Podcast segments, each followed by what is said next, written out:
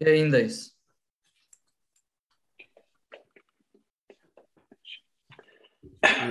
İyi akşamlar.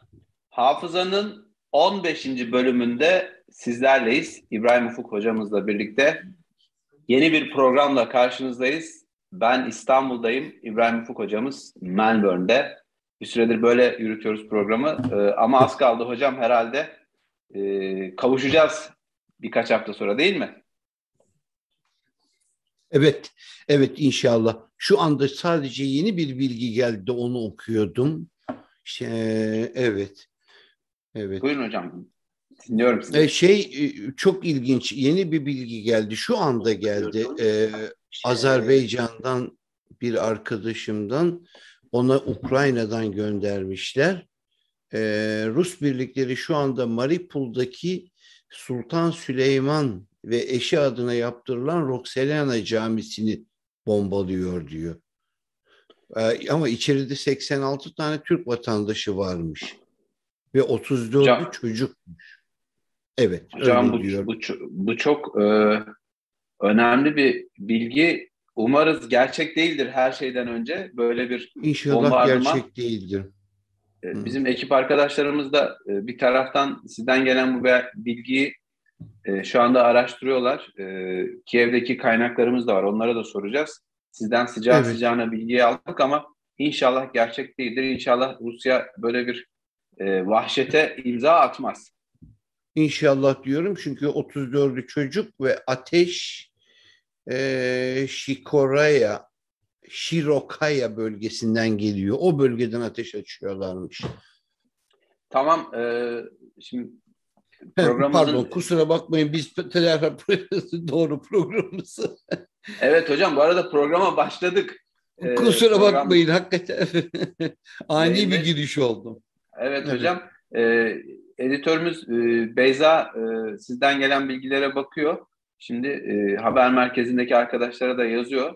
Bakalım bir e, bilgi alırsak bir e, gelişme olursa mutlaka yayında aktarmış olacağız. Onu da söylemiş olalım. Tamam. Hocam şimdi e, malum gündem belli. E, yani üzerine bir şey söylemeye gerek yok. E, İşte gün içerisinde de biz sizinle konuştuk, yazıştık. Biraz başlıkları belirledik. E, yani Rusya bir taraftan e, emin adımlarla Kiev'e doğru artık ilerliyor. E, tabii bu kadar geç kalması da çok tartışıldı ya da Ukrayna'nın bu kadar e, direnç göstermesi de e, bütün kamuoyu için sürpriz oldu bir taraftan. Fakat e, hedef Kiev, işte bizim arkadaşlarımız oradaydı birkaç gün önce çektik onları. E, çünkü artık e, Rusya her an vurabilir Kiev'i. E, nasıl yorumluyorsunuz siz bu son birkaç günlük süreci? Ben, e, ben Rusya'nın çok korkunç bir ateş gücü var. Yani şu ana kadar zaten hiçbir şey yapmadan geldi. Özellikle şehire dokunmamaya çalışıyor. O yüzden de umarım inşallah da bu haber doğru değildir. E, fakat Kiev'de ne elektrikler kesildi, ne yolda gelen konvoylar hala bir haftadır geliyor. E, çok ilginç bir gelişmeler yaşanıyor hakikaten. E, fakat Rusya'nın istese çok daha hızlı bir şekilde girebileceğini, eğer öyle değilse Ukrayna'nın muhteşem bir direniş gösterdiğini düşünebiliriz. Aslında bu tabii ki direnişin içerisinde bir de bu bayrakların zannediyorum iyice rolü ön plana doğru çıkmaya başladı. Zannediyorum onu da konuşacağız zaten. Evet onunla konuşacağız hocam. Ee, hocam e, Kiev'i kontrol altına almak aslında bir anlamda e, savaşı da kazanmak demektir. Yani e, Zelenski ve Ukrayna düşmüş denilir mi o zaman? Ya e, Rusya'nın açıkça amacı zaten Zelenski'yi iktidardan indirmek. Hani bundan önceki iki e, nasıl söyleyeyim hani Zelenski gelmeden önce iki defa seçimi yapıldı. İkisinde de e, başkanlığı aslında Rus yanlısı veyahut da şöyle diyelim daha doğrusu NATO karşıtı olan gruplar kazandı. Hem de çok ağır bir şekilde yüzde yetmiş üçe yakın bir şekilde. Fakat işte devreye o e, Zelenski'yi allayan pullayan Batı'nın inanılmaz reklamı girdi. E, ve yani aslında halkın iradesi iki defa engellendi. Bu Rusya'nın aslında bu kızgınlığını ama aynı zamanda da e, bu ağır bombalamadan kaçınma sebebini ben öyle görüyorum. Çünkü burada o ağır bombardımanların hiçbirisi yaşanmadı henüz. Hala daha sanki küçük küçük cephesel mücadeleler halinde geçiyor gibi görünüyor. Fakat ister istemez yine de savaş tabii. Ee, bütün bunların içerisinde ben zannediyorum Rusya her an özellikle işte bu Antalya gibi toplantıların sonuçlarını bekliyor ve ben zannediyorum yine aynı şekilde e, e, kapı arkasından pencere arasından bu gizli görüşmeler hala devam ediyor e, ve ben de yine de Türkiye'nin bu olayın baya baya içinde olduğunu sanıyorum. Çünkü iki tarafla da beraber konuşabilen tek ülke kaldı koca dünyada. Savaş başlamadan önce de böyle bir e, evet. konumu vardı Türkiye'nin. Başladıktan sonra da e, bu konumunu korudu. Üzerine baskı yapılmasına rağmen hem Türkiye içerisindeki muhalefet hem de e, dışarıdan baskı gelmesine rağmen Türkiye bu pozisyonunu değiştirmedi ve açıkça da ilan etti. Sayın Cumhurbaşkanı ne Ukrayna'dan ne de Rusya'dan vazgeçmeyiz dedi. Ee, siz söylediniz madem öyle e, Antalya'daki toplantılar bu diplomasi, diplomasi formu e, başka bir aşamaya evrildi bu savaş kriziyle birlikte hocam. Yeni bir e, düzen kuruluyormuş gibi. Aslında birkaç gündür e, canlı yayına bağlansaydık bir şey diyecektim. Diyecektim Davos artık iptal edildi. Ben bir daha Davos'a gelmem demişti ya başkanımız e, zannediyorum yerine Antalya'yı koyuyoruz artık biz. Ve, inanılmaz derecede başarılı oldu tuttu. Bütün dünyanın gözü artık Antalya'ya toplanmaya başladı ve dolayısıyla Türkiye'ye de toplanmaya başladı. Çünkü trafik yalnız Antalya değil Ankara İstanbul Antalya arasında dolaşıyor sürekli olarak çok yoğun bir trafik var. Ben yalnızca hani o bu e, savaşın sona erdirilmesi için yapılan toplantılardan falan söz etmiyorum. Bunun haricinde işte İsrail Devlet Başkanı'nın hemen gelişi bu, bu çok kritik bir dönemde yapılan bir şey. Yani e, bütün denklemlerin değişmeye başladığının göstergesi. İstanbul güç merkezi haline geliyor. E, Biden'ın öbür taraftan bana ben de hemen görüşmem lazım gibi bir anlayışa girmesi bu zamana kadar özellikle uzak duruyordu Biden. E, sanki hemen ben denklemin içerisinden çünkü çok dışarıya atıldı. Hem Avrupa hem Amerika. E, de, e, evet. Hocam e, biraz sanki Birleşik Arap Emirlikleri temaslarından sonra e, böyle bir zincir oluştu görüntüsü var. Bu kadar önemli bir konum mu var Birleşik Arap Emirlikleri'nin? Çok doğru. Hakikaten öyle. Çok önemli şeyler tutuyor. Çünkü de bu demektir ki İngiltere devrede. Birleşik Arap Emirlikleri 1971 e, yılında bağımsızlığını aldı. E, o zamana kadar sadece çölden ibaret olan bir bölge aniden e, işte bu petrolün de zaten o bölgede çok yoğun bir şekilde çıkmasıyla ve yatırım kararı alınmasıyla onların da kayıtsız şartsız kabul etmeleriyle beraber yepyeni bir devreye geçildi orada. E, demek ki diyorum ben o e, esas İngiliz aklı tekrar devreye girdi. Çünkü İngiliz aklı son olarak İkinci Dünya Harbi'nde e, geri kalmış olan e, o yapısını tekrar sahaya sürmek istiyor. Bu ben zaten Brexit'ten sonra böyle bir şeyin geleceğini bekliyordum ama tam bir İngiliz e, operasyon olduğu için İngiltere görünmez. Görünmesine ihtiyaç yoktur diyorum ki kendi adına konuşanlar çoktur. Hocam şimdi Yüksel Eren izleyicimiz e, sormuş. E, konuyla alakalı hemen sorusunu ekleyerek devam etmenizi isteyeceğim. Diyor ki hocam ne oldu da bütün dünya bize geliyor şu anda diyor. ne oldu? Şimdi geçen bölümde bir şeyden bahsetmiştik ya demiştik ki e, dört tane ana güzergah var İpek yolu için. Bakın bütün bütün dünyada dönen bir şey var. O da bir dünya ticaretinin yüzde seksene yakını okyanuslardan yapılıyor. Büyük Okyanus ve Atlas Okyanusu ve Hint Okyanusu. Üç okyanus burada ana rolü oynuyor ve bu üç okyanusun üçü de Amerikan ve İngilizlerin kontrolü içerisinde. Çoğunluk Amerikan kontrolüdür. Özellikle Pasifik ve Hint Okyanusu e, ve bütün dünya ticareti buradan oluyor. Çin kendi bölgesinde birazcık harekete geçmeye kalktığı için Çin'in içerisindeki Japonya ile Çin arasındaki o Sarı Deniz'in içerisinde yüzlerce Amerikan üssü var. O, oradaki bütün adalarda. Oraları dahi bırakmak istemiyor Amerika Birleşik Devletleri. Bakın o e, iç denizleri bile bırakmak istemiyor. O bölgede hiç kimseyi görmek istemiyor.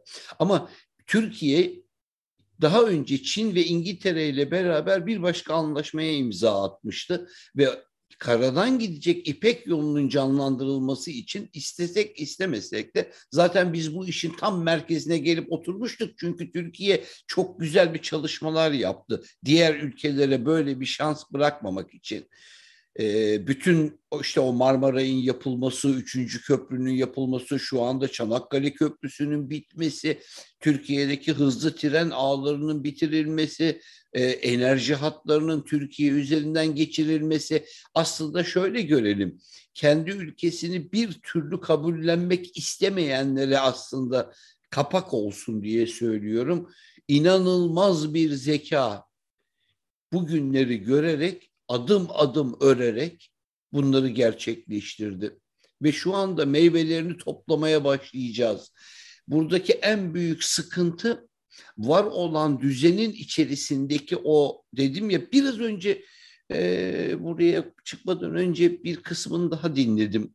Cumhurbaşkanı'nın konuşmasının o medeniyetler toplantısında yapmış olduğu son konuşmadan bir bölümü iz, dinledim orada. Orada yine aynı şekilde İkinci Dünya Savaşı'ndan sonra kurulan bu e, beşli çete düzeninden söz ediyordu. Veya dünyanın bu beşli çetenin elinde bırakılmaması gerektiğinden söz ediyordu. Yani Birleşmiş Milletler'de veto hakkı verilen şu beş devlet ve onların kurmuş oldukları sistem çatırlıyor ve ne oldu da Türkiye'ye geliyor? İşte aslında cevabı da burada. Zannediyorum zaten bugün konu başlıklarımızdan bir tanesi de o olacak. Çünkü Türkiye artık gerçekten oyunun içerisine çok fena girdi. Hocam düzen değişiyor mu? Düzen değişiyor. Yani bu bakın zaten esas düzen değiştiği için bu sancılar başlıyor. Ha, aksi halde herhangi bir sancı olmaz. Her şeyin onların istediği gibi yolunda gittiği bir düzen İkinci Dünya Savaşı sonrası düzendi. Bu düzende herhangi bir sıkıntı olmasa zaten bu kadar safsata çıkmaz ortaya. Bu kadar bağırtı çağırtı çıkmaz ortaya. Batı'nın bir anda Rusya'nın üzerine bu inanılmaz tepkisi çıkmaz ortaya. Mesela biraz önce başkan da aynı şeyleri belirtti. Dedi ki ya orkestra şefi dedi. Artık öyle bir hale geldi ki dedi. İşte Rus orkestra şefi dedi. Rus olduğu için görevinden alınıyor. Hakikaten çok ilginç bir döneme geldik. Ama burada tabii ki biz biz bir de olayın bizim açımızdan dönen tarafları var. Çünkü dedim ya ben e, Karadeniz'de biz gazı bulduktan sonra enerji denkleminde de ayrı bir oyuncu devreye girdi. Bakın bu zamana kadar yeryüzünde bütün kaynakları aynı grup tarafından kullanılan bir dünya enerji piyasası vardı. İlk defa bunun içerisine devlet olarak, devlet sermayesiyle Türkiye kendi gücüyle girdi. Ben burada bir kere daha Berat Albayrak'ı anmadan geçemeyeceğim. Çünkü onun, Yeni bir kitabı e... çıktı hocam e, bahsediyor. Yeni kitabında Berat Bey bir kitap çıkardı. Burası çok önemli hemen, diye. Hemen orayı gel. Ben ben ben ben, ben, evet. al, ben sizin için aldım hocam. Ee, sizi bekliyorum. Şimdi hocam arama, bulma, çıkarma ve dağıtma. Dünyada hiçbir devlet bu aşamada kendi enerjisini çıkarmadı. Siz de bunu vurguluyorsunuz. Evet. Bu yeni düzeni belirleyecek hamlelerden biri de bu değil mi hocam? Bakın Amerika Birleşik Devletleri'nin olmazsa olmazıdır. Enerji kaynaklarının hepsine sonsuz şekilde sahip olmak onların hareketlerini yönetmek. Bakın yeryüzünde kaynakları bol olan bütün devletler zorluk ve sefalet içerisindedir birkaçı hariç. Onun sebebi işte budur. Yani yeraltı zenginliği bakın Japonya'nın hiçbir yeraltı zenginliği yok ama uçuruldu. Ee, teknoloji devi haline getirildi. Yıllarca bu konuşuldu. Şu anda Japonya teknolojik olarak Türkiye'den destek arıyor. İlginç bir şey. Gelen haberler, şurada okuduğum bazı makaleler, hatta bizim bu TB3'lerin Japonların Izumu adlı e, bizimkine benzer bunların bir helikopter gemileri var birkaç tane. Onların üzerine yerleştirecek bir sistem arıyorlar ve bu konuda Türk teknolojisinin son ürünleri aslında dünya teknolojisinin en üstün ürünlerini almak istiyorlar. Bir yandan e, enerji denklemi, bir yandan e, diplomatik olarak inanılmaz atak yapan bir ülke ve diğer yandan bakın ne demiştik hani yumuşak gücün kullanımı, sert gücün kullanımı bir yandan donanmanın şu anda o bizim bahsetmiş olduğum gemilerin piyasaya çıkması ama Türkiye esas yükseği henüz o gemimiz daha şu anda deniz testleri devam ediyor. Ama onun üzerine yerleştirilecek olan TB2'ler dünya düşünürken biz TB3 ve 4'lerin peşindeyiz. İnsansız uçağın peşindeyiz ve çok yakın zamanda o da çıkıyor bir teknolojik eşik açıldı Türkiye için. Yalnızca enerji denkleminin içerisinde değil, yalnızca diplomasinin içerisinde değil, ekonomik o ana güzergahların da tam ortasına oturdu. Okyanusların haricinde karadan geçen ve daha önce bahsetmiş olduğumuz dört ana ipek yolunun üçünün iptal edilmesi. Şu anda bütün her şeyi Türkiye üzerine çevirdi demiştik geçen bölümde. Evet şu anda iyice bunun herkes bunun anlaşmasını yapmak için çırpınıyor. Ee, İsrail bir şeyi anladı ya çıkardığı gazı Türkiye olmazsa artık hiçbir şekilde piyasaya sokamayacak. Şimdi bu Rusya'nın dünyadan hem sosyolojik olarak hem ekonomik olarak hem de toplum olarak tecrit edilmesi denklemleri de değiştirdi. Mesela Amerika, İran ve darbe yapmaya kalktı. Venezuela'nın e, kapısını çaldı. Maduro'ya gizli heyet yolladılar petrol için. Evet. E, bu da şu demek, devletlerin bu çok sert, e, at, yıkılan köprüler, devrilen masalar falan bunlar çok böyle e, geçerli hükümler değilmiş. Bunu da anlamış olduk. Şimdi şöyle söyleyeyim, bakın Amerikan politikasını Anglo-Sakson politikasını çok iyi kavrayabilmek lazım. İnanılmaz şekilde bir günde bütün fonksiyonları değiştirirler. Daha düne kadar bir numaralı şeytan yaptıklarını anında aynı gün çok kısa bir zaman içerisinde en iyi dostmuş gibi peş peşe bu çok kolaydır onlar için biliyor musunuz? Sadece aynı anda medyaya iki üç ayrı haber ve televizyon kanalına görüntü yaymak son derece basit bir şekilde işte kucağında çocuk olan bir tane Venezuelalı kadını koyarsın. Onun altına öyle bir hikaye yazarsın ki yer yerinden oynar. Ve bir anda Venezuela algısı Amerikan çıkarlarına bu zamana kadar sanki o kendilerine göre çok acı çektirmiş olan Venezuela'dan Allah halbuki acıyı çeken onlardır. Zaten bunların çok büyük bir özelliği vardır. Bu iki, üç, ikinci Dünya Savaşı kurulan düzende sadece kendi isteklerini konuşurlar. Sadece üzerine baskılayarak söyler. Amerikan çıkarları der. Sanki dünyada başka hiçbir şey yokmuş. Dünya nüfusunun yüzde altısını oluşturan bir toplum sanki bütün dünyanın sahibiymişçesine davranarak ve onu diğer herkesi her şeyi dışarıda bırakarak. Şimdi o yüzden diyorum ki Venezuela'yı şu anda e, petrolünü alacaklar. Artık kendi bölgelerinde bakın Amerika Birleşik Devletleri enerji kaynaklarını hiçbir şekilde bırakmaz. Medyaya şöyle haberler düşer. İşte artık petrolün hiç büyük mü kalmadı, gazın hiç büyük mü kalmadı, bütün enerji kaynakları bilmem neye dönüyor da falan hepsi doğrudur. Ama en büyük hatayı orada kaçırmayalım. Var olan enerji kaynağının bir tanesinin son kuruşuna kadar bitirmeden Amerika Birleşik Devletleri elindeki o gücü bırakmaz.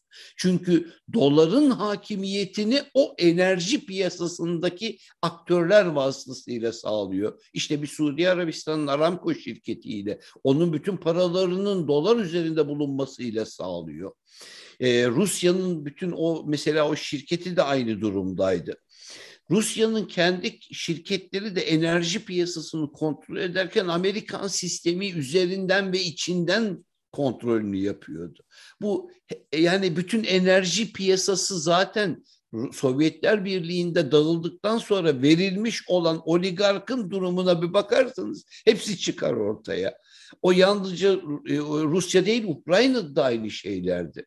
Çünkü e, Ukrayna'da yani biz olayın biz olayın sadece bir tarafını görüyoruz tabii ama yurt dışında çok farklı şeyler de gelişiyor. Mesela sürekli Rusya konuşmasında yeni neonaziler diye bahsediyor bağıra bağıra ve çok ilginç gelişmeler de yaşanıyor. Ben bugün Bekir Hazar'ın yazısına da baktım. Aslında çok güzel örneklerini de vermiş orada.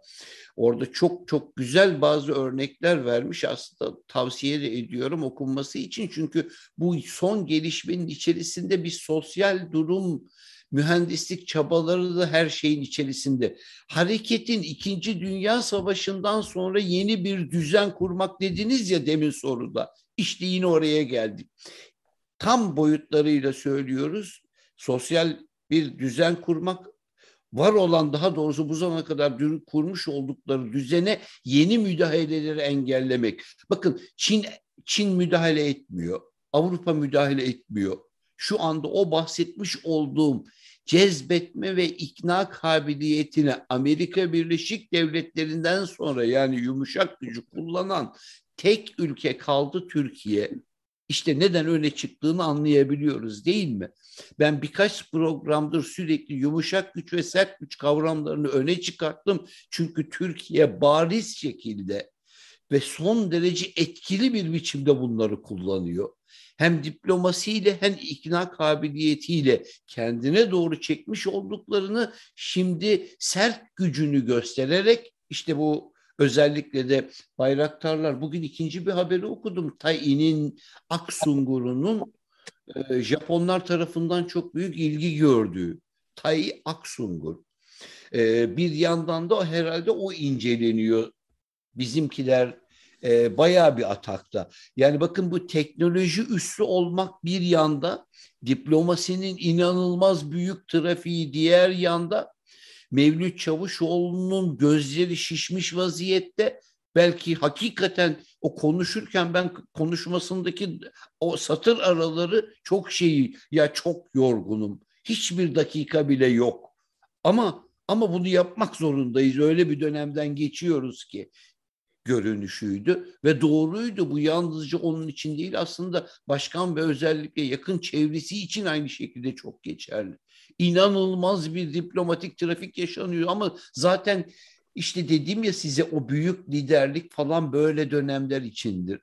Artık Türkiye elini koydu masanın üzerine.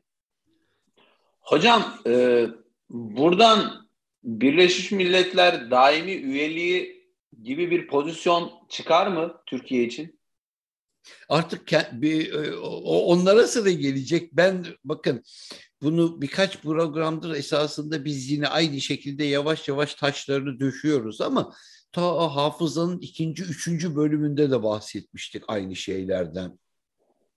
Yedinci bölümde tekrar bahsetmiştik. Şimdi bu Birleşmiş Milletler dünya beşten büyüktür ilk ortaya çıktığından bu zamana kadar söylene söylene alışıldı. Karşı taraf tarafından bütün kodları alt alta yazılsa, not edilse de biz olaydan vazgeçmedik. Aslında onlar bir günlük bir aşktı. Nasıl olsa peşini bırakacaklar diye düşünüyordu. Fakat Türkiye ısrarla geliyor. Birleşmiş Milletler'in içerisinde biz bir ara geçici üye olmuştu 2006'lı yıllarda. İşte o zamanlarda Türkiye'nin yönetiminden inanılmaz derecede memnun bir dünya devletleri kitlesi oluşmuştu. Çünkü onların sorunlarını Birleşmiş Milletler'de biz dile getirmiştik. Yapılamayanları yapmıştık. Yani herkes suyun gittiği yöne, aktığı yöne doğru konuşurken biz tam tersine aykırı aykırı konuşmaya başlamıştık. Bakın faturasını çok ağır ödedik. Ersin Bey aslında bütün dinleyicilerimize şöyle bir hatırlatmak isterim. 2012 yılında ulaşmış olduğumuz milli gelir aynı hızla bugüne devam etmiş olsaydı şu anda 27 bin dolardı. Sadece dolar operasyonuyla o günkü seviyemizin dolar olarak altındayız isim olarak anlatıldı mı? Yeryüzündeki düzeni sağlayanlar bu düzeni ellerinden bırakmamak için sizi her şekilde engelleyebilecek önlemleri alırlar ve bunu sürekli uygularlar. Bunlardan bir tanesi PKK'ydı. PKK'nın bitirilmesi bunlarda şok etkisi yaptı. Nedeni çünkü PKK Türkiye'nin büyümesinden her yıl yüzde üç ile beş arası çalmak üzere programlanmış bir örgüttü. Türkiye'nin büyümesini geciktiren, dünya piyasasına girmesini aslında imparatorluk aklı diye ben hep söylüyorum ya buna bir kısmı diyorlar ki ya Osmanlı imparatorluk değil devlet-i aliyeydi ya siz ne derseniz deyin. Ben o etkiyi duyurabilmek için söylüyorum. Bizim ne söylediğimiz literatür değil. Arkasındaki o gerçeği söylüyorum bizim o dediğimiz aklın içerisindeki ben bunu başka türlü izah devleti Ali Osmaniye'nin aklından ziyade küresel olarak diğer imparatorluklara karşı duran bizim devletimizin veyahut da literatüre koyalım bizim imparatorluğumuzun davranış sistemini söylüyorum. Türkiye Birleşmiş Milletler'in içerisine çok hızlı girdi. Kendisini bu zamana kadar hissettiriyordu bariz bir şekilde biz denklemin içerisinde olmak zorundayız. Türkiye'nin olmadığı bir Birleşmiş Milletler sisteminin adaletli olabilmesi mümkün değildir. Çünkü adalet damarı eksiktir. Var olan yapının içerisindeki İngiltere, Fransa e, ve Amerika Birleşik Devletleri yanlarına eklenen Rusya, Slavlar ve Çin, Sinolar. Çin bu denklemin içerisinde en fakir dönemindeyken zorla Birleşmiş Milletler sisteminin içerisine oturtulmuş bir üyedir. Kendi dediklerini yapacaklarına yüzde yüz emin oldukları için. Yalta konferansıyla var olan Rusya ile Amerika Birleşik Devletleri ve İngiltere'nin oturarak kurmuş oldukları düzen ise dünyayı iki ayrı kutba ve cepheye bölerek kendi ellerinde tutma mücadelesiydi. Daha sonra bu ikisini birden kuran aynı akıl çünkü bakın yeryüzünde kapitalizm ve sosyalizmi kuran akıl Londra'dan çıkmıştır. Adının Karl Marx olması falan filan hiçbir şeyi değiştirmez. Mezarı da zaten Londra'dadır. Yazmış olduğu kitabı da Londra'da yazmıştır.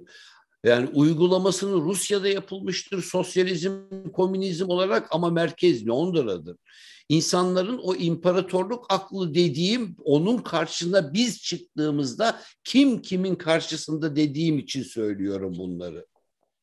Hocam şimdi Rusya'nın pozisyonu bir ay önce çok farklıydı. Bugün her şey ters düz oldu. Yani sadece devlet olarak değil, Rus halkına yönelik de e, çok ağır yaptırımlar söz konusu. Almanya'da. Almanya'da Rus ve Belaruslu hastalara bakmayan bir hastane çıktı bugün mesela. İlan etti. Biz Rus ve Belaruslu hasta kabul etmiyoruz dedi. Temel en insani sağlık hizmetini reddediyor Almanlar.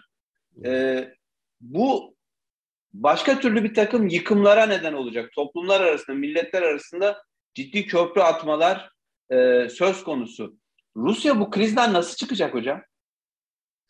Ya dünyayı çok acı çektirdiler. Hem Slavlar hem Anglo-Saksonlar bu son dönemde en son 19 ve 20. yüzyılda çok acı çektirdiler insanlığa. Şimdi gelelim onlardan bir tanesi Rusya, Slavlar. Slavlar bu işin içerisinden nasıl çıkacak? Valla Rusya'nın durumu şöyle bakın çok büyük bir ambargo var. Ama emin olun bu ambargolar Rus halkına bizim dışarıdan düşündüğümüz kadar ağır bir etki henüz yapmıyor. Rusya çok dayanıklıdır. Şöyle söyleyeyim buna tarihe bakabilmek yeterlidir bunun için. Rusya 1917 Bolşevik devrimine gelene kadar 200 yıl zaten o zorluk ve açlık içerisinde yaşadı. Ve inanılmaz şekilde direndi. Bakın halk direnmiyor, yönetim direniyor. Ama halk bunu dediğim gibi son raddeye kadar daima kabullenmiştir. Amerikalıların bu yapılan veya Batılıların yaptığı bu yaptırımların o daha önceki son raddeye ulaşabilmesi şu anda çok çok zor. Onun sebebini söyleyeceğim. Eski Rusya'nın hayat damarlarının bütünü Batı ile olan ilişkisine ve Karadeniz ve Çanakkale boğazlarına bağlıydı. Yeni Rusya'nın ana ekseni şu anda Çin'le beraber kurmuş olduğu o ekonomik zincirin devamı. Ee, Çin çok açıkça bir şey söylüyor. Diyor ki bütün dünya petrolünü almazsa ben hepsini almaya hazırım diyor. Bu tek başına Rusya'ya bir güvence veriyor. Biz olayı yalnızca şöyle görüyoruz. İşte McDonald'slar 850 tane şubesini kaybetti. Rus halka oraya yığıldı. Hatta hamburgerleri alıp buzdolabına koyuyor. Daha sonra yiyecekmiş falan diye. O görüntü aynı zamanda bütün dünyaya servis edilirken bizim anlamamız gereken bir tablo da bizim gözümüzün önüne getiriliyor ki bakın biz bu yaptırımlarla çok ağır bir zarar veriyoruz diye. Bu bize verilen algının birincisi. Aynı algı bakın Rusya'ya ben zarar gelmiyor demiyorum ama karşımızdaki gücün her yazdığı haberin yarısının yalan olduğu bir dünyada şunu göz önünde bulunduralım diyorum. Bu adamlar bu işi çok iyi biliyorlar. O göz boyamayı.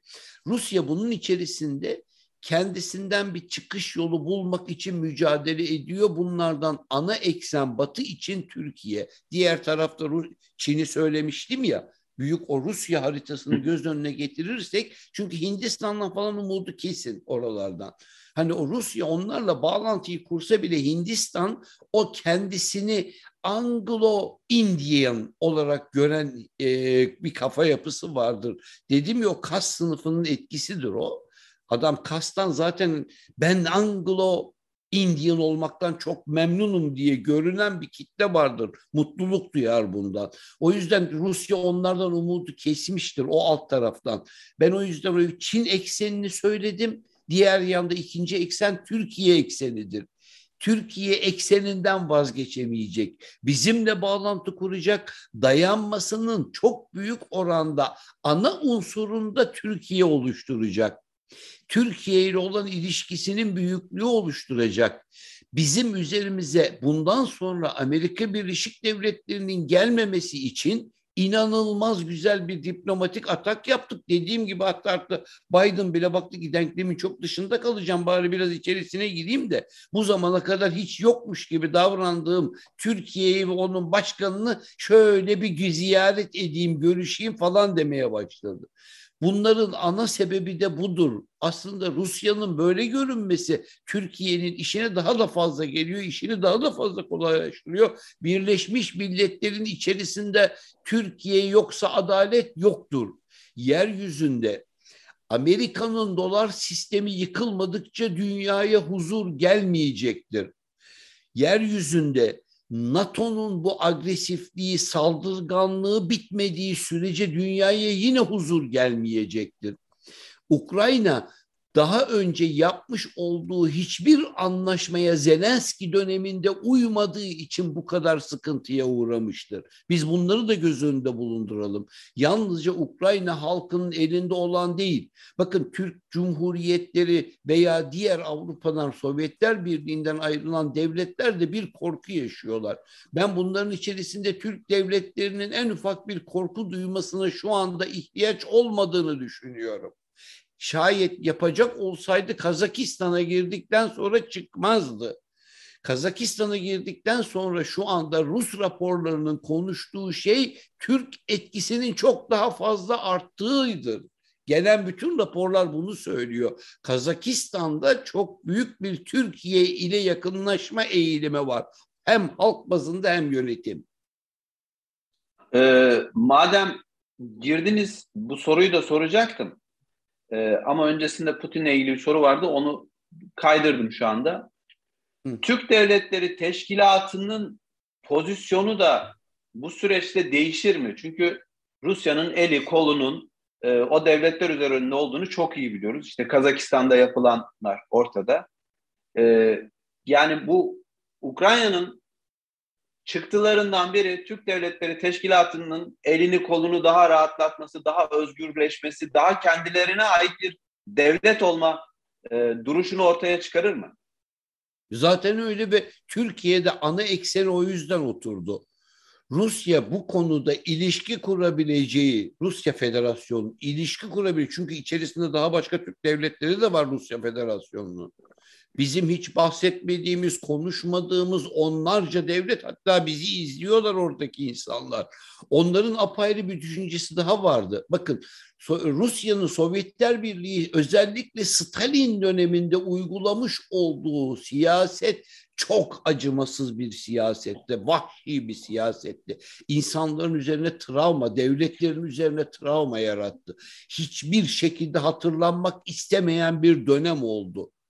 Kendi içerisinde bütün halkları yerini değiştiren, süren, aç bırakan işte Ukrayna da onlardan bir tanesi. Milyonlarca insan açlıktan ölmüştür. Yalnızca Kazakistan'da, Azerbaycan'da, Özbekistan'da, Türkmenistan'da değil. Sovyetler Birliği'nde o kolhoz sisteminin kurulduğu yıllarda insanlar birkaç yıl içerisinde yeni sistemi, devletin eline geçen bütün toprakları, hayvanları, o sistemi algılayamadığı için açlıktan, veri zincirinin bozulmasından dolayı öldüler. Rusya'nın yani bu içinde bulunduğumuz dünyadaki bu düzenin içerisinde Anglo-Saksonların Rusya'yı itmiş oldukları bir yön vardı. Rusya bu yönün üzerinden hiç kurtulamadı. Rusya'nın da kendisi aynı sıkıntıların içerisinde bir türlü kendisini düzeltemedi. Türk Devletleri Teşkilatı'nın bu işteki yeri o yüzden diyorum ki bakın o altyapıyı söylemezsem içeriye tam oturmayacak. Hep bende böyle bir endişe var. O yüzden konunun sanki dağıtılmış gibi görünüyor ama vallahi dağıtmaya çalışmıyorum. Aslında toparlamaya çalışıyorum ama alt zeminde vermek zorundayım. O yüzden Türk Devletleri Teşkilatı'nın var olan aklının esasında eski Slavların oluşturmuş olduğu Sovyetler Birliği aklından uzaklaşıp yeni bir Türk aklına doğru evrilmesi söz konusu. Ve bu Rusya'yı aslında rahatsız etmiyor. Çünkü Rusya kendi içerisinden Türkleri çok iyi biliyor. Rusya Batılılardan, Anglo-Saksonlardan çok daha fazla Türkleri biliyor. Çünkü çok büyük bir şekilde Türk topraklarının üzerine oturdu. İmparatorluğunu oralarda kurdu. Onlar sayesinde büyüdü. Yoksa buzlu olan topraklardan verimli olan topraklara Türklerle beraber yakınlaşarak geçti Rusya. Sovyetler Birliği döneminde o ideolojik olarak kandırdığı devletlerle. Pardon bir şey soracaktınız bir şey, programa başlarken bir bilgi verdiniz ya bir son dakika gelişmesi. Evet. Ee, Mariupol'da. Ukrayna'nın Mariupol kentinde bir e, camide çok sayıda sivilin kaldığı ve o caminin bombalandığına dair iddialar. Şimdi e, bu şehrin belediye başkanı Vadim Boychenko'nun açıklaması var. Diyor ki Türkiye'ye çağrıda bulunuyor belediye başkanı. Diyor ki Rus güçlerin saldırıları sonrasında 34 çocuk 86 Türk vatandaşı bir camide mahsur kaldı diyor. İngiliz basını e, Reuters ve The Telegraph da e, Rusya'nın bahse konu camiyi bombaladığını iddia ediyor hocam. Evet. Bu bilgi e, şimdi bizim arkadaşlarımız e, İngiliz medyasını da taradılar. E, Yeni Çapan hemen internet sitesinde manşette şu anda haber. E, dileyen bir süre sonra bakabilir. Sizin de rakam vermişsiniz. Size gelen bilgiyi de teyit etmiş olduk burada. 34 evet. çocuk, 86 Türk vatandaşı bir camide mahsur. Bunu hem Mariupol şehrinin belediye başkanı hem de İngiliz merkezli The Telegraph'la Reuters haber ajansı geçti. Bizim de sitemizde şu anda yayında temennimiz bu caminin bombalanmamış olması ve e, içindeki sivillerin hiçbir şekilde zarar görmemiş olması. Bu evet. aynı zamanda çok büyük bir diplomatik kriz olur. Evet, evet, evet. Yani o yüzden özellikle özellikle de yani bizimle olan ilişkisinde bizim olan şeylerle beraber aslında Rusya son derece dikkatli. Elinden geldiği kadar çünkü tek açık kapısı biz kaldık. Rusya'nın dünya ile bağlantısını sağlayabilecek ender ülkelerden değil, yalnız ülkeyiz, tek ülkeyiz. Hani ender ülke diyecektim ama öyle başkası da yok arada. O bağlantıyı kurabilecek. Neden? Çünkü Rusya ile Çin arasındaki ilişki bizim hiç görmediğimiz cinstendir. Çinliler hiçbir zaman Ruslarla ilişki kurmak istemezler. Ruslar da daima kendi büyük topraklarında artan Çin nüfusunun yayılmak istediğine inanırlar ki doğrudur. O yüzden de Rusya kendi o çok geniş coğrafyasını Çin etkisinden kurtarmaya çalışır sürekli. Fakat tabii coğrafyanın da vermiş olduğu bir zorunluluk var. O ilişkiden de kaçamazlar. Ee, e, fakat ana ticaret yolu ekseni Çin'den gelen eksen Rusya üzerinden çekildi. Şu anda Türk devletleri ve Türkiye üzerinden ulaşacak.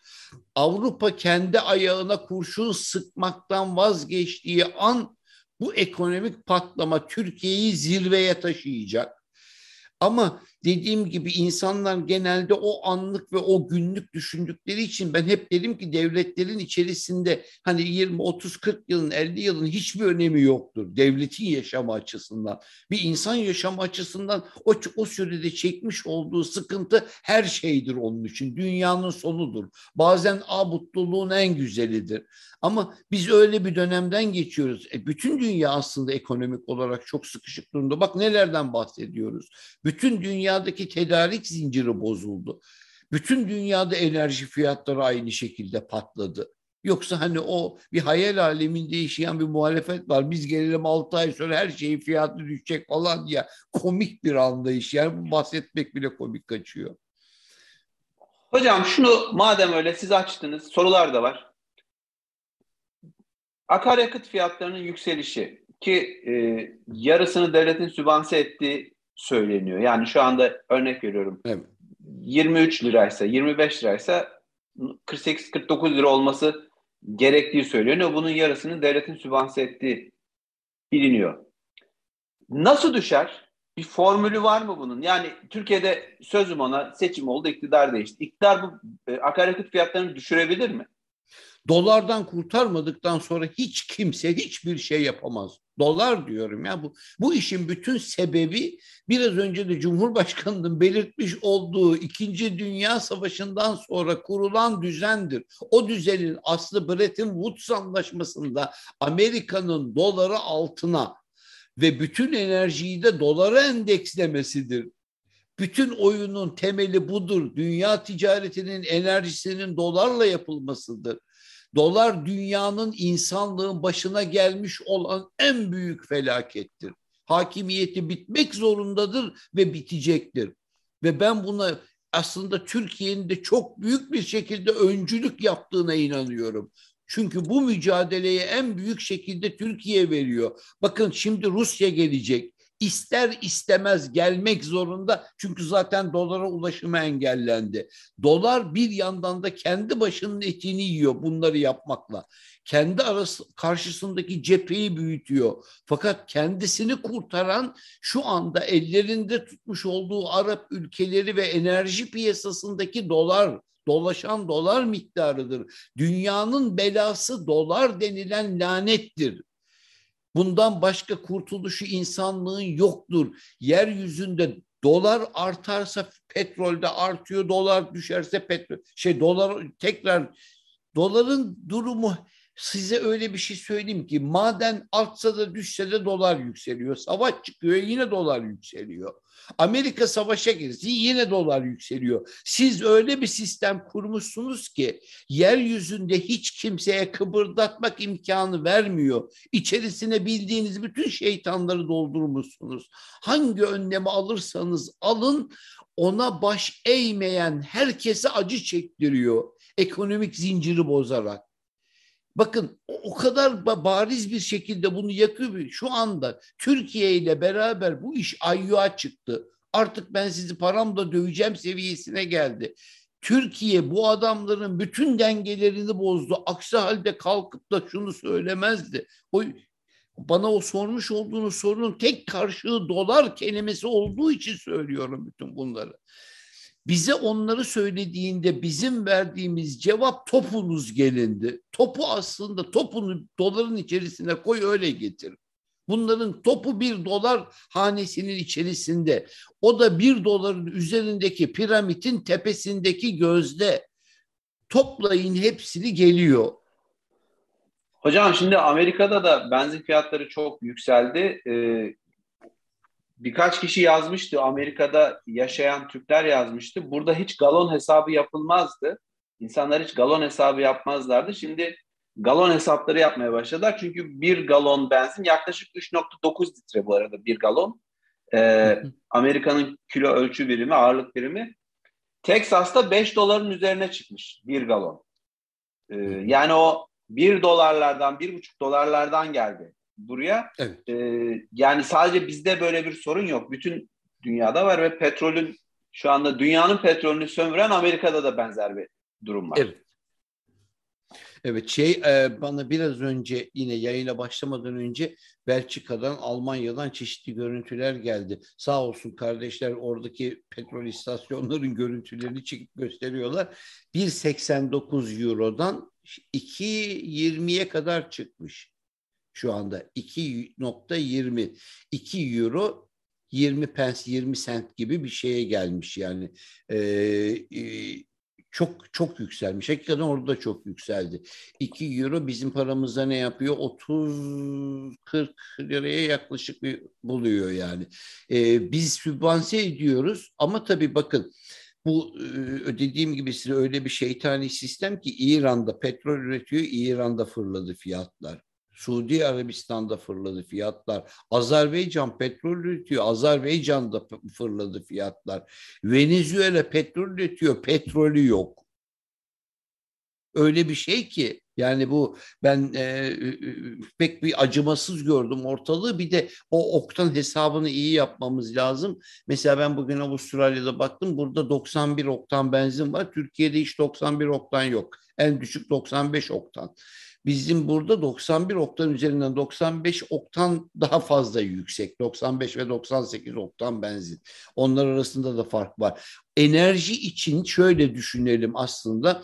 E, bu can yakmaya devam edecek ama canı yakan enerjiden ziyade doların kendisidir.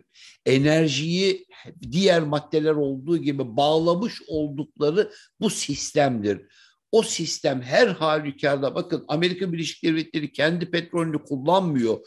Amerika bütün gücüyle uğraşsa şu anda dünyanın en büyük petrol üreticisi. Kendi petrolünü bile hala çıkartmıyor. İnsanlar yok işte kaya gazı başka enerji kaynakları falan filan diyor ama hiçbir zaman bu yönetimi elinden bırakmıyor. Ve bırakmayacak önümüzdeki 30 sene yine böyle gidecek.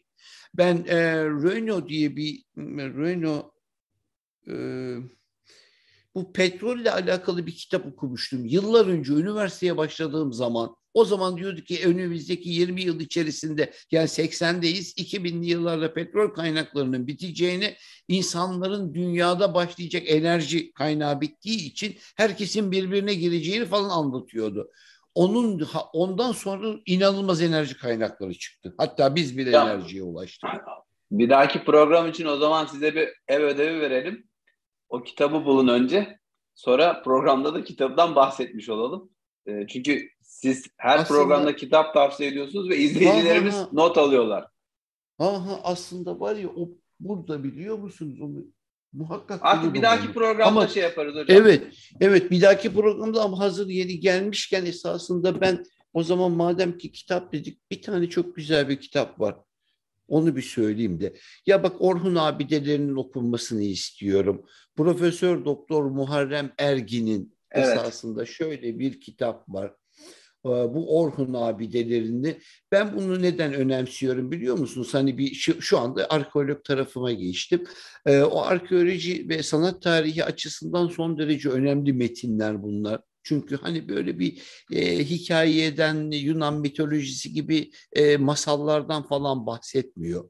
Bayağı bir devletin kendisinin ahlak kuramını o dönemde yapmış olduğu çalışmaları Bumin Kağan'dan başlayalım Bilge Tonyuk'a varana kadar insanın kendi köklerini algılaması açısından Profesör Doktor Muharrem Ergen'in Orhun Abideleri adlı incelemesini. O kitap çok güzel bir kitap. Birinci kitabımızı bugün böylece söylemiş olalım. Tamam hocam. O zaman e, biraz da izleyicilerden gelen e, sorulara bakalım. Benim de birkaç sorum daha var, notlarım var. Şimdi e, enerji fiyatlarını konuşmuştuk. Bu Ru- Ukrayna Savaşı'ndan kim galip çıkarsa Türkiye'nin yararına olur diye bir soru var. Ki Türkiye'nin pozisyonu kimse, çok belli. bak, bak bizim şu anda size şöyle söyleyeyim durumu. Ee, savaşın bitmesi önemli burada. Savaş bittikten sonra kazanan Türkiye. Nedeni hem Rusya hem Ukrayna'nın şu ana kadar götürmüş olduğu anlayış gereği ülkelerinin inşa edilmesi, var olan ambargodan kurtulabilmesi, yıkılmış Ukrayna'nın tekrar inşa edilmesi için baştan ayağa Türkiye devreye girecek. Bu Türkiye'nin üretiminin hem arttırmasına sebep olacak hem piyasada içerisindeki bizim o iş yapma müteahhitlerimizin almış olduğu gelirlerin Türkiye'ye döviz olarak yansımasına tabii o aradaki işte o, o zincir içerisinde kendi üst, ülkelerini kazıklamamaya çalışan müteahhitleri bulana kadar da biraz sıkıntımız var. Hocam e, Putin'in imajı sarsıldı tabii bu süreçte. Yani o e, ciddi Putin, dünyayı dize getiren Putin biraz böyle sarsıldı gibi. Bugünkü açıklamaları da bir taraftan e, umut verdi savaşın bitmesi açısından. Müzakerelere hazır olduklarını söylediler. Tabii bu Antalya'daki masanın etkisi bu. Evet. Ee, evet. Putin toparlayabilecek mi? Çünkü içeride de Rusya'da da bir kaynama var. Halk Rusya'yı terk etmeye kalkanlar var vesaire. Putin toparlayabilir mi sizce? Şimdi Rusya bir e, dedim ya daha önceden de bizim gibi bir hata yaptı batılılaşma. Onlar da batılılaşmaya çalıştılar. O batılılaşmanın mağduru olan hani bizdekilerin benzeri olan bir grup orada da var. Onlar aynı şeyleri yapıyorlar. Onların çünkü yurt dışı o küresel denklemde NATO'yla NATO'yu oluşturan güçle e, fikirleri sosyalist gibi görünen Türkiye'de çok insan vardır kapitalist olan ama her, yoğun kapitalist olan ama fikir sosyalizmi savunan falan böyle bir bu Rusya'da da aynı şekildedir biliyor musunuz? Ve bu insanlar zaten Amerikanski yaşarlar. Yani e, o yüzden onların içerisinde de vardır. Çünkü batılılaşmak tam bir çukurdur. Rezaletin en büyüğüdür.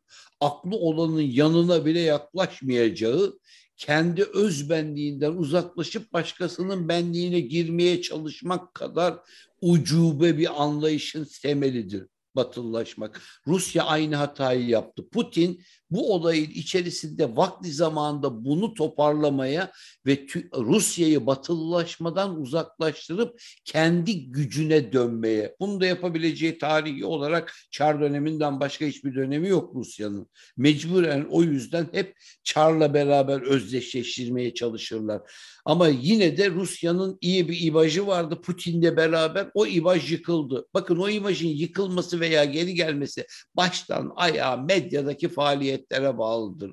Medyayı elinde tutan güç bu işe başka türlü çevirmeye karar verdiğinde iki günde iki günde hepsini değiştirir. Bütün algı operasyonlarını bitirir.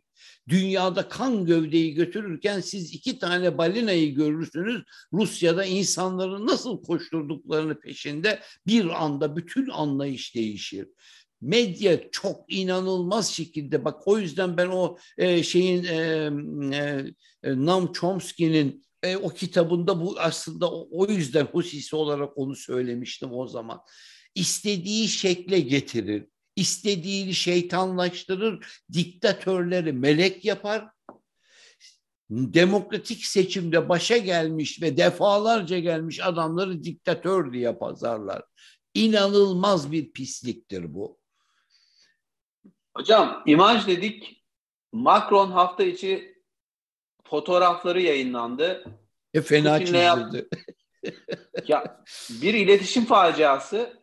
Evet. Putin'le yaptığı görüşmeden sonra böyle bitkin, argın, ben bu işi beceremedim, savaşı durduramadım, mağduriyeti oluşturmaya çalışıyordu belki ama imaj açısından çok sıkıntılıydı. Niye böyle bir fotoğraf servis ettiler sizce? Hatta birkaç fotoğraf. Valla bak Fransızlarla birisi uğraşıyor ama ben bunu tarih boyunca bildiğim için Fransızlar, Fransızlar o e, üçüncü bölümde Tapınak Şövalyelerinde Jacques de Moley'in bir tane laneti vardır.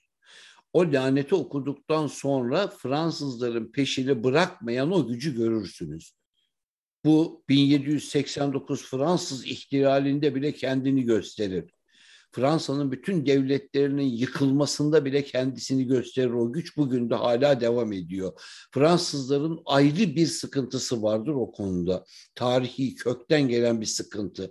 Ee, ama esas e, bu gücünün yani karizmanın çok fena çizildiği dönemler yalnızca bu adamın dönemi değil. Bu son dört başkan döneminde Fransa inanılmaz şekilde güç kaybediyor.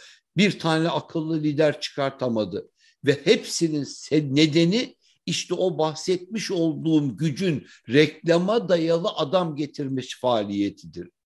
Herkes kendi grubunun içerisinde reklama dayalı. Bir anda bu, bu, bu da aynı şekilde geldi Macron. Bir anda şişirilerek eşi vasıtasıyla bir anda öne çıkartılarak. Çünkü o da aynı gruba mensuptu. Ve iyi bir reklam kampanyasıyla hop aldılar Fransa'nın başına getirdiler. Ağırlığı kaldıramıyor ne Macron kaldırdı ne Sarkozy kaldırdı. Bunlar Fransa'yı taşıyamıyorlar. Fransa da bunları taşıyamıyor.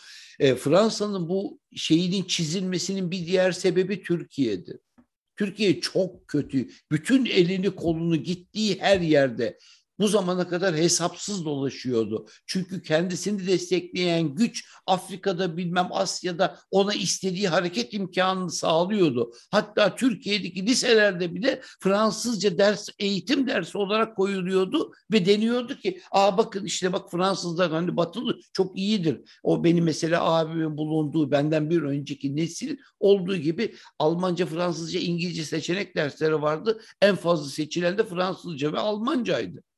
Birdenbire bu Amerikanski hayat başladı. Her şeyi alt üst etti ve değiştirdi. Amerikan yaşam biçimi olarak bakın ben 1983'te İngiltere'ye gittiğimde İngiltere'de bütün rahibeler kapalıydı. Şimdi bir tane yok kapalı rahibe. Adam dini değiştirdi. E, Katoliklikte açık bir tane rahibe yoktu. Şimdi yırtık rahibe doldu. Dünyaya laikliğin dine müdahale etme sürecini dayatan Fransızlardır. Hocam Türkiye'de o konuda maalesef Fransa'yı çok örnek aldı geçmişte. İşte Fransa o yüzden diyorum ki size bakın karizmayı çizdirenlerden bir tanesi de şu anda biziz. Çünkü biz dünyadaki o var olan İkinci Dünya Savaşı sistemi müdahale ettikçe Afrika'da, Çat'ta, Senegal'de, Kongo'da yaptıklarını dünyanın gözü önüne getirdikçe fil dişi sahillerindeki yakılan yıkılan insanların hayatını biz dokunmaya başladıkça beyaz insanın şeytan olmadığını ama onun da Türklere has olduğunu düşünen bir Afrikalı devletler zincirinin oluştuğunu görünce Fransa çileden çıktı ve hata üzerine hata yaptı. Burada da kalktı Rusya ile beraber bir an evvel gideyim ben kahraman olacağım edasıyla. Bu iş akıl işidir. Türkiye açıklamasını yaptı ve bekledi. Kendi ayağına geldiler. Hocam şimdi Bild gazetesinde dün bir makale yayınlandı. Ki bildi biliyoruz Türkiye karşıtlığıyla meşhurdur. Türkiye aleyhinde, hükümet, Cumhurbaşkanı Erdoğan aleyhinde çok yayın yapmıştır. Umudun adı Bayraktar diye bir makale yayınladılar. Ukrayna Savaşı'ndaki en etkin silahın Bayraktar olduğunu ve üç kıtada Rus askeri teçhizatını yok ettiğini söylüyorlar, hatırlatıyorlar. Libya'daki operasyonlarda bayraklar kullanıldı. Karabağ'da bayraklar kullanıldı. Ee, Suriye'de bir, bir dönem Esed güçlerine yapılan operasyonlarda kullanıldı. Rus silahları vuruldu, Panzer'lar. Şimdi de Ukrayna kullanıyor ve Almanlar bunu hatırlatıyorlar ve umudun adı Bayraktar diyorlar. Türkiye kamuoyunda şöyle ya Almanlar bu silahı övüyorsa bunun arkasında bir bit yeniği vardır gibi bir e, şey de oldu. E, gündem de oldu, konuşma da oldu. Siz nasıl değerlendiriyorsunuz Almanların bu kadar yüksek perdeden ölmesini? Bir, bir, e, o bit yeniği vardı. Şu anda bit yeniğini geçti olay şöyle bir psikoza döndü.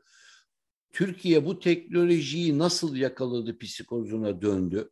İnanın bana şu andaki benim gördüğüm kadarıyla o biraz evvel sizin birlikte söylediğinizi ben bakın Avustralya'da bugün çıkan The Australian diye bir gazete vardı. Australian gazetesinde aynı şekilde böyle bir makale vardı. Türkiye bah kelimesinden bahsetmeden Türk dronlarından bahseden ilginç bir makale. Adam Türk kelimesini koymamak için inanılmaz bir çaba göstermiş. Azerbaycan'ı, Ermenistan'ı mesela işte diyor ki savaşları kazanmasının sebebi diyor bu, bu silahlardı diyor, Türk dronlarıydı diyor. Hep aynı şeyleri tekrarlıyor. Hatta altyapılarını vermiş ve en sonunda bir de yorum koymuş. Bizim gemi e, helikopter gemisi dedim ya o Navantia'dır. Yani e, ilk ilk orijinali İspanyollarla beraber ortak yapılmış bir çabadır. İspanyol uçak gemisinden e, yola çıkarak hazırlanmış bir e, şey. Onun aynısından iki tane Avustralya'nın var. Ben bunu söylerken işte Avustralya'da Avustralya gazetesinde bunu inceliyor ve diyor ki Türkler diyor öyle bir yani aslında Türk kelimesini kullanmadan bunu söylemeye çalışıyor. Bir drone teknolojisi diyor öyle bir seviyeye ulaştı ki diyor savaşın diyor karakterini değiştiriyor diyor. Radara yakalanmadan diyor tankların hepsini etkisiz hale getirdi diyor. Ya bakın kelimeler çok büyük. Radara yakalanmadan yerdeki yürüyen tankların etkisiz hale getirilmesi bu ne demek? Kara kara gücünün aslında bir hiç halde getiriliyor. Ama nasıl? Bu dronlarla. E peki bu dronların kimin, hangi ülkenin elinde? Hemen peşinden ikinci bir şeyi söyleyeyim. Euro, e, The Eurasian diye The Eurasian diye bir tane daha e, defense dergisi, savunma dergisi var. Bu savunma dergisi aslında İngiltere'de falan yayınlanıyor, Amerika'da yayınlanıyor ama sahibi Hintli. Yani Anglo-Indian e, bir çok zengin bir iş adamı. Onun orada da çok ilginç bu konuda inceleyen makaleler çıkıyor. Bunu söylememin sebebi hani niye in, Indian'ı da araya koydunuz, Hint diye araya koydunuz demesinler insanlar. Hindistan'da takip ediyor bu teknolojiyi bir buçuk milyar insanın içerisinde ben nasıl bir tane Selçuk Bayraktar yetiştiremedim diye. Amerika da aynı şeyleri takip ediyor ben niye yapamadım diye. Anladınız mı? Bu bakın Türkiye e, inanılmaz hani o bir, birkaç bölümde ben bunu tekrarladım. Ya emin olun size bakın tarih okunduğu takdirde gelecek olan köy belli. Gidilecek olan yol belli ve Türkiye önünde durulmaz. O o da yazıda da Euro Asian'da da şu yazıyor. Diyor ki Japonlar diyor Türk sistemlerini radar içerisine aldı, inceliyorlar diyor. Ya biz bahsetmiş olduğumuz hani şu ünlü teknoloji devi Japonya. Türkiye'nin teknolojisinden faydalanmaya çalışıyor. TB3'ler diyor şu anda diyor radarlarında. Çünkü diyor kendi o bizimkine benzer onların da bir helikopter gemisi var. Onların üzerine bunu yerleştirmeyi düşünüyorlar. Ben tekrar da Avustralya'nın gazetesindeki makalenin sonuna geleyim. O makalenin sonunda da şöyle diyor. Avustralya diyor eğer diyor böyle bir harple karşılaşsa dronlarla hiçbir savunma sisteminin olmadığını belirtti analistler diyor. Şu anda diyor hiçbir etkili gücümüz yok. Bütün gemilerimizi vururlar, bütün sanayi tesislerimizi vururlar, bütün askeri ve radar tesislerimizi vurabilirler diyor. Çünkü diyor bu dronlar radara da yakalanmıyor esas soru işaretleri dünyanın her yerinden aynı anda geldi. Fakat Ukrayna'da e, oyun değiştirici bazı özelliklerde moral yükseltici inanılmaz büyük bir Bayraktar tek başına harp ediyor biliyor musunuz Ukrayna'da. çok az bir azınlıkla beraber bayraklar savaş yapıyor. Onlar da şarkı yapıp ortaya koyuyorlar. Fakat ilginç bir şekilde koydukları görüntüler doğru görüntüler. Esas mesele o ve dünyanın dikkatini çeken, servislerin dikkatini çeken sıradan insandan çok fazla. Siz bunu bizim içimizdeki o adamları anlatamayız biz. Onlar hakikaten anlamak istemiyorlar ama. Hocam bayraklardan bahsettik. Şimdi önüme gelen bir bilgi var. Ee, bir rekor. Akıncı TİHA biliyorsunuz. En gelişmiş evet. versiyonu.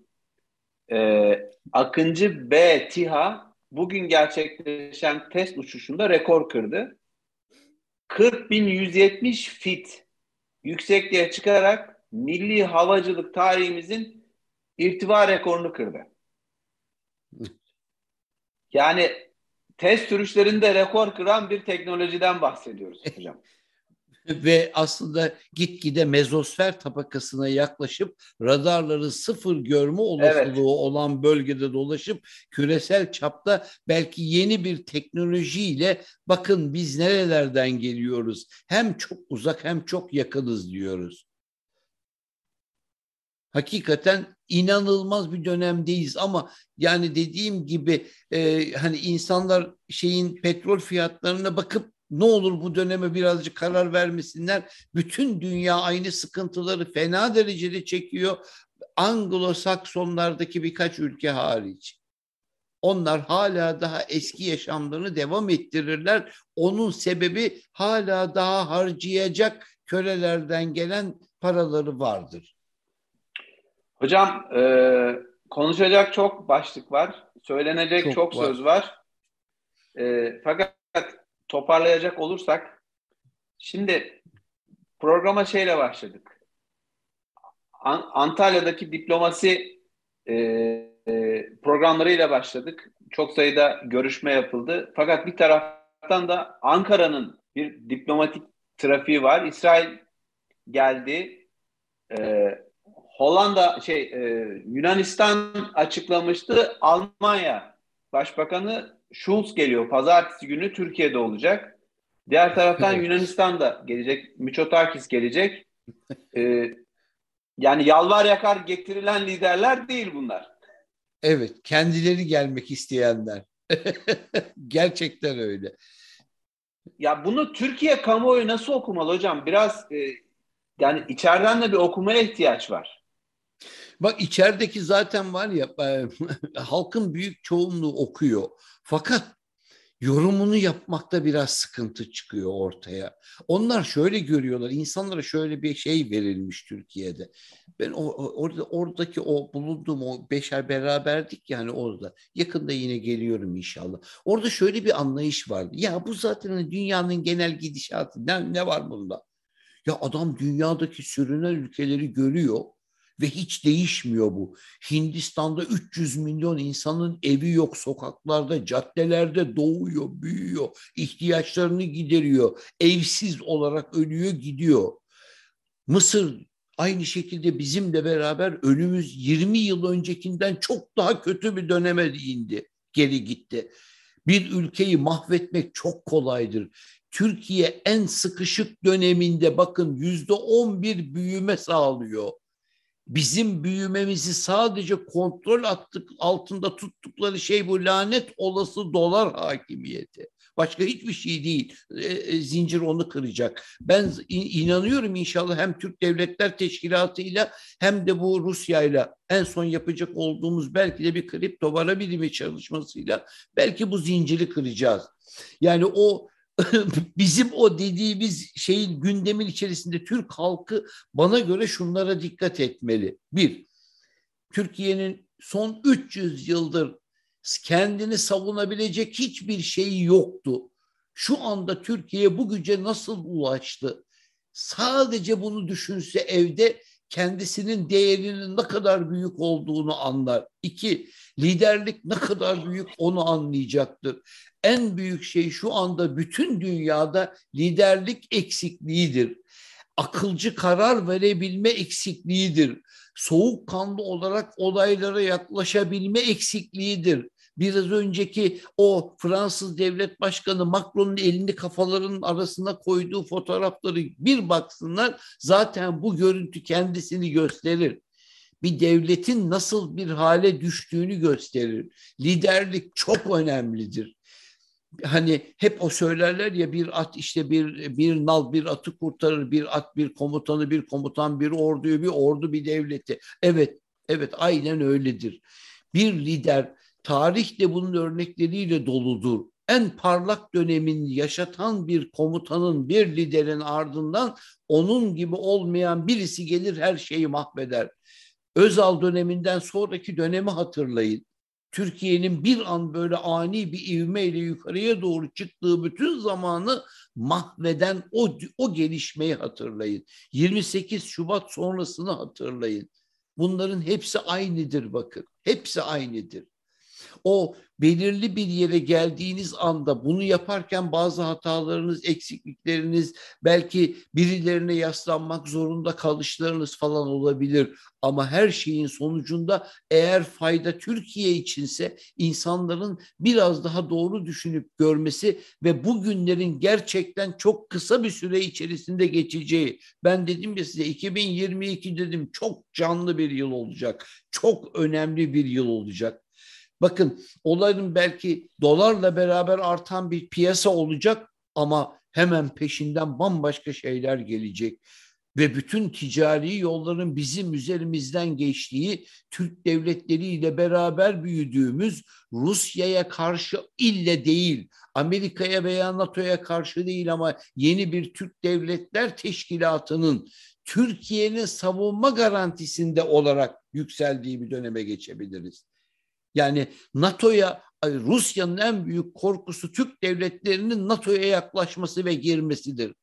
Biz bu problemi Türkiye çözebilir, Recep Tayyip Erdoğan çözebilir. Bu problemi Türkiye çözdükten sonra hiçbir Türk devletinin Türkiye'den yaslanmak zorunda en ufak bir problemi kalmayacaktır. Halklarının da aynı. Hocam, Nizam Yavuz isimli izleyicimiz demiş ki, hocam bu bütün bu güzel gelişmeler halka ne zaman yansıyacak? Dönüyoruz, dolanıyoruz. Ekonomiye, tencereye dayanıyoruz hocam. Ya bütün dünya hep aynı şeyleri söylüyor. Bütün insanlar hep aynı şeyleri söylüyor. Hep bize bu ne zaman yansıyacak? Bazılarından hiç yansıması eksik olmadı. Bazıları zorluk çekiyor. Bu dünya tarihinin her döneminde böyleydi. Ama siz diyorsunuz ki yaygın olarak bunu bir sosyal adalet haline getirip nasıl yapabiliriz? Bunun içerisinde iki ayak var. Biri devlet, diğeri biz. Devleti oluşturan da biziz. Ya bir tane yağ konusunda bir haber çıkıyor, herkes markete doluyor. Kuş kadar beyni olsa bir insan böyle bir şeyi yapmaz ya. Ya böyle bir şey ne olacak yani 10 gün daha fazla yağın olduğu takdirde her şeyden kurtulacak mısın? Şimdi Ruslar biz yağsız kaldık diye ölecekler mi ya? Hamburger yemedik diye bitecekler mi ya? Bunun halka yansıması Rusya bütün halkı 145 milyon zorluk çekiyor şimdi. Yani biz ben karşılığını ortaya koymaya çalışıyorum. Ya bakın e, devlet enerji fiyatlarını sübvanse ediyor etmesin, hepsini etsin. Bütün parayı versin ona. Ya iki ay, iki sene yaşarsınız. Ondan sonrası çok daha kötü gelir. Yapmayın bundan önceki döneme zorla döndürmeye çalışmayalım. Ha diyeceksiniz ki ama efendim bir grup böyle yapıyor. Zaten hepimizin derdi o ya. Adamlar bu işi gözümüzün içine baka baka yapıyor diyorum ya. TÜSİAD denilen kurum diyorum ya size söylüyor ya bu adamlar bu adamlar sefeci gibi davranıyor. Adam faizleri arttır diyor. Daha fazla ezilsin diyor. Senin toparlanmanı fırsat vermiyor. Halka yansımasının Türkiye e, büyük bir çok büyük bir para kaynağı bile bulsa iki sene bir sene dayanmaz. Hazıra daha dayanmaz. Bir sistem kurmak zorundayız. Biz dünyada sömürecek bir ülkesi olmayan bir ülkeyiz. Batılılar gibi, oradaki zengin ülkeler gibi Afrika'nın herhangi bir ülkesinden bize köleler vasıtasıyla para gelmiyor. Biz çalışarak üretmek zorundayız. Biz Rusya gibi doğal kaynakları yok, Azerbaycan, Kazakistan gibi doğal kaynakları yok. Arap ülkeleri gibi petrolleri bilmem gazları yok. Bunları kendi elimizle yapmaya çalışıyoruz. Türkiye üretiminin yüzde 85'ini öz kaynaklarından kendisi sağlamaya çabalıyor. Bun, yani bakın biz çok yalnız bir dünyanın içerisinde hak mücadelesi verdiğimiz için zorluk çekiyoruz. Eğer hak mücadelesinden vazgeçelim, şeytan sisteminin bir parçası olalım, bu dertler belki daha kısa zamanda bitebilir ama belki de ölülerin Hocam, bir şeye ihtiyacı siz, olmaz e, noktasına gelir. Anglo-India dediniz ya, Nermin, Nermin Laçin izleyicimiz Nermin Hanım demiş ki, bizde de Anglo-Türkiye olmak isteyenler var diyor. Evet. Ama biz sanırım Anglo-Türkiye olmamanın mücadelesini veriyoruz bir taraftan değil mi? İşte sağ olsun Nermin Hanım bütün işi çözmüş. Ben onda zaten bunları söylerken temelinde söylemek istediğim e, Bağdat Caddesi'ne çıkıp şöyle bir dolaşsınlar. Türkçe adı olan bir tane dükkan var mı diye baksınlar. Her şeyin çözümü oradadır. O Anglo dediklerim zaten orada dolaşıyorlar. Bakın adam bütün dükkanların ismini bile böyle yapmış. Ben diyorum ya sana kendi şehrim Ordu'ydu. O yetiştiğim yerlere gittim. Sahil boyunca Türkçe isimli hiçbir şey bulamadım. Rahmetli Oktay Sinanoğlu bu konuda bu, bu, bu Türkiye'nin taşsız kralıdır o adam profesörlükle. 26 yaşında profesör olmuş. E, fakat dediğim gibi içi o kadar dolmuş ki bu Anglo-Sakson oyunlarıyla beraber o Anglo Türkleri gördüğü, bildiği için bas bas bağırıyor. İçimizdeki Anglo Türkler yüzünden zaten bu haldesiniz. Bu hali devlet yapmıyor. Allah aşkına insanlar anlasın bunu ya. Sokaktaki yağları devlet alıp depoya koymuyor. O iş adamları devlete karşı da aynı şekilde mücadele ediyor. Türkiye'ye sadece ve sadece biz destek olalım kendi ülkemize. Biz bu adamları bitirelim. Ama inanın bana bu devir gelecek. Çok zorlu bir süreç bu. Çünkü o onlar onlar çiyandır, onlar aşımıza göz koyanlardır diyor Ahmet Arif. İşte bunlar çiyanlar bunlar. Bunlar bizim aşımıza göz koyanlar.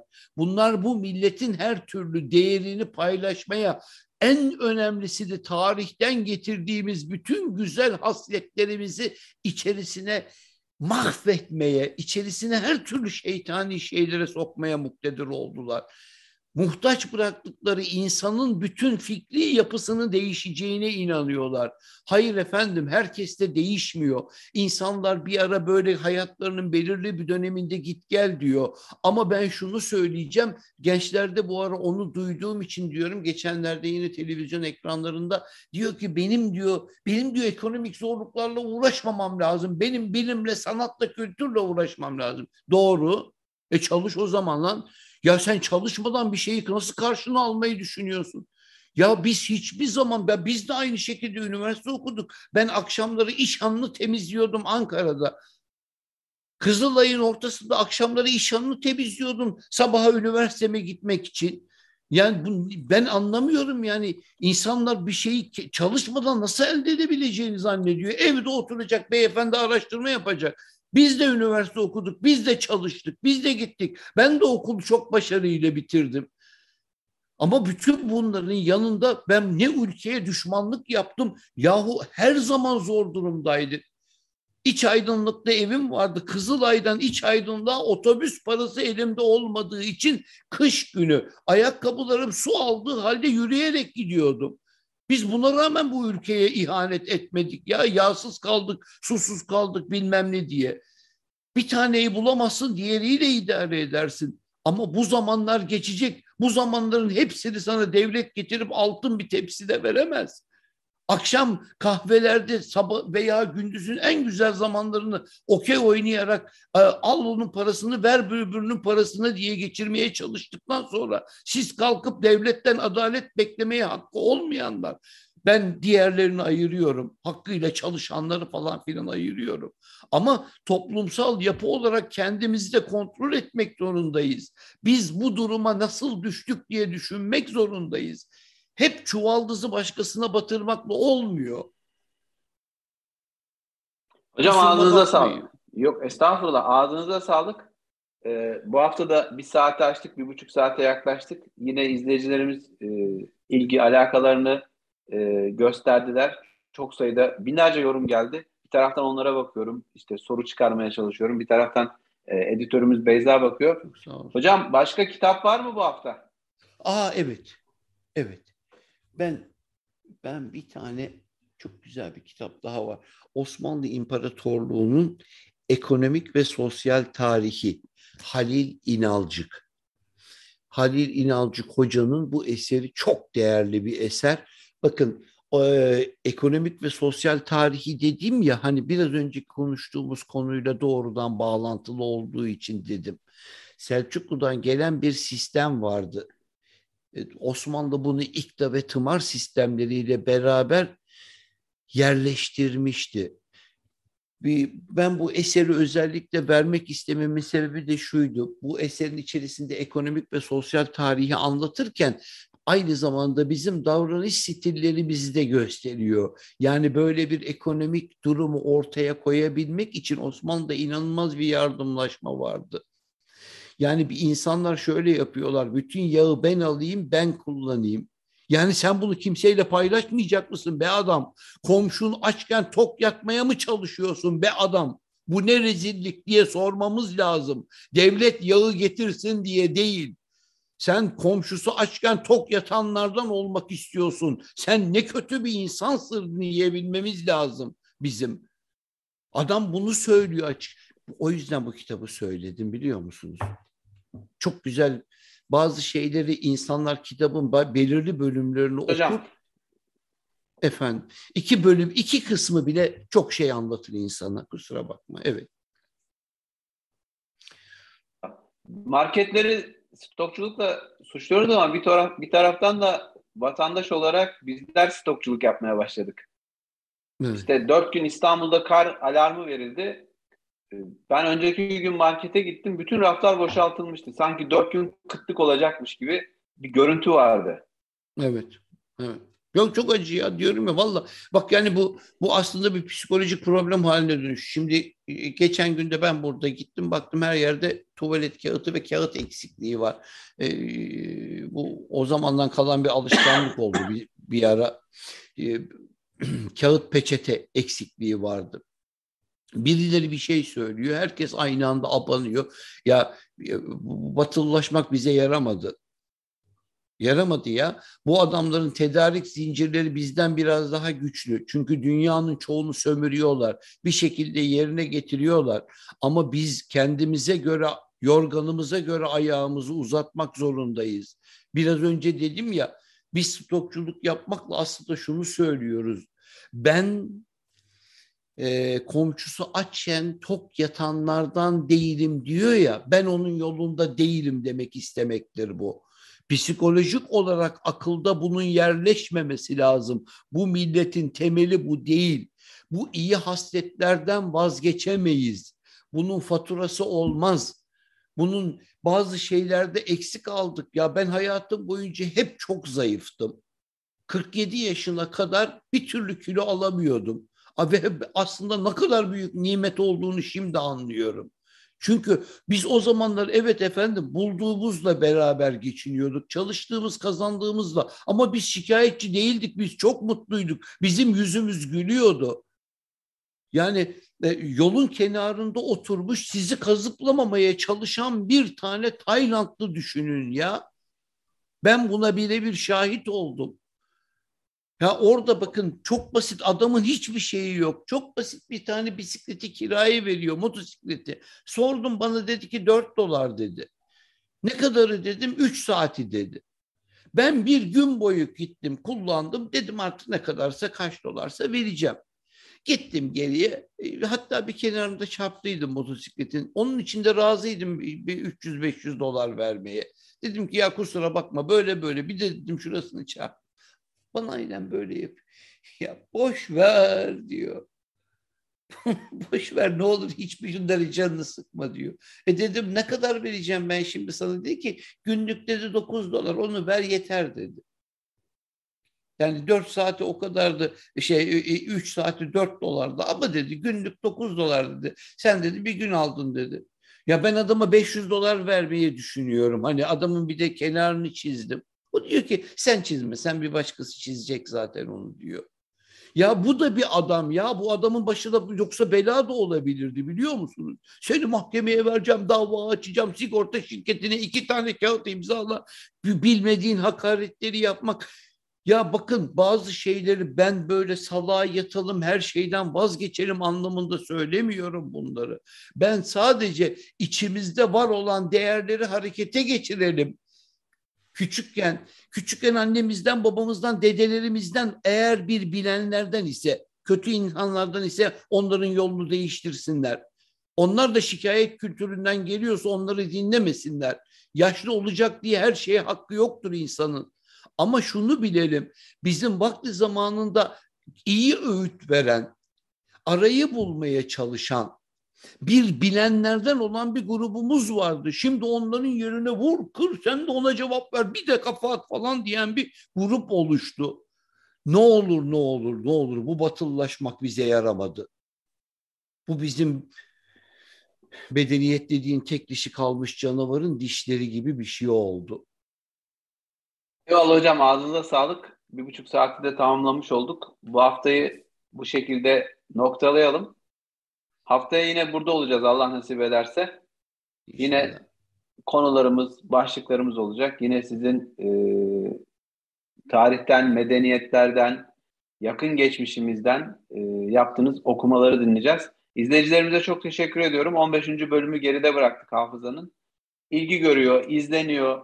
Sokaklarda insanlarla karşılaşıyorum. İçerikten bahsediyorlar. Size arada video yolluyorum hocam izleyicilerimizle karşılaşınca. Teşekkür. Çok güzel oluyor, moral oluyor. Bir kitlemiz var. Biz bu kitleye e, böyle konu konu ders ders ilerliyoruz. Ağzınıza sağlık. Sizin çok katkınız var.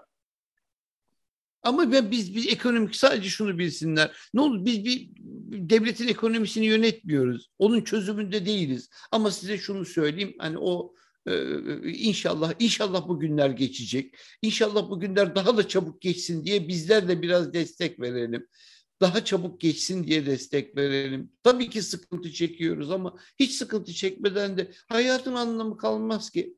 Gerçekten hani hiç hiçbir değeri olmaz hayatın. Ya mücadeledir hayat. Hocam, e, Melbourne'e çok selamlar. Çok teşekkür ediyorum. İnşallah yakında geliyorum, görüşeceğiz. İnşallah hocam. Sevgili izleyiciler, e, bu haftalık yayını noktalıyoruz. Haftaya yine yeni bölümde, 16. bölümde görüşmek üzere. Bu programı paylaşmayı, yorumlamayı, izlemesini istediklerinize e, linkini göndermeyi unutmayın.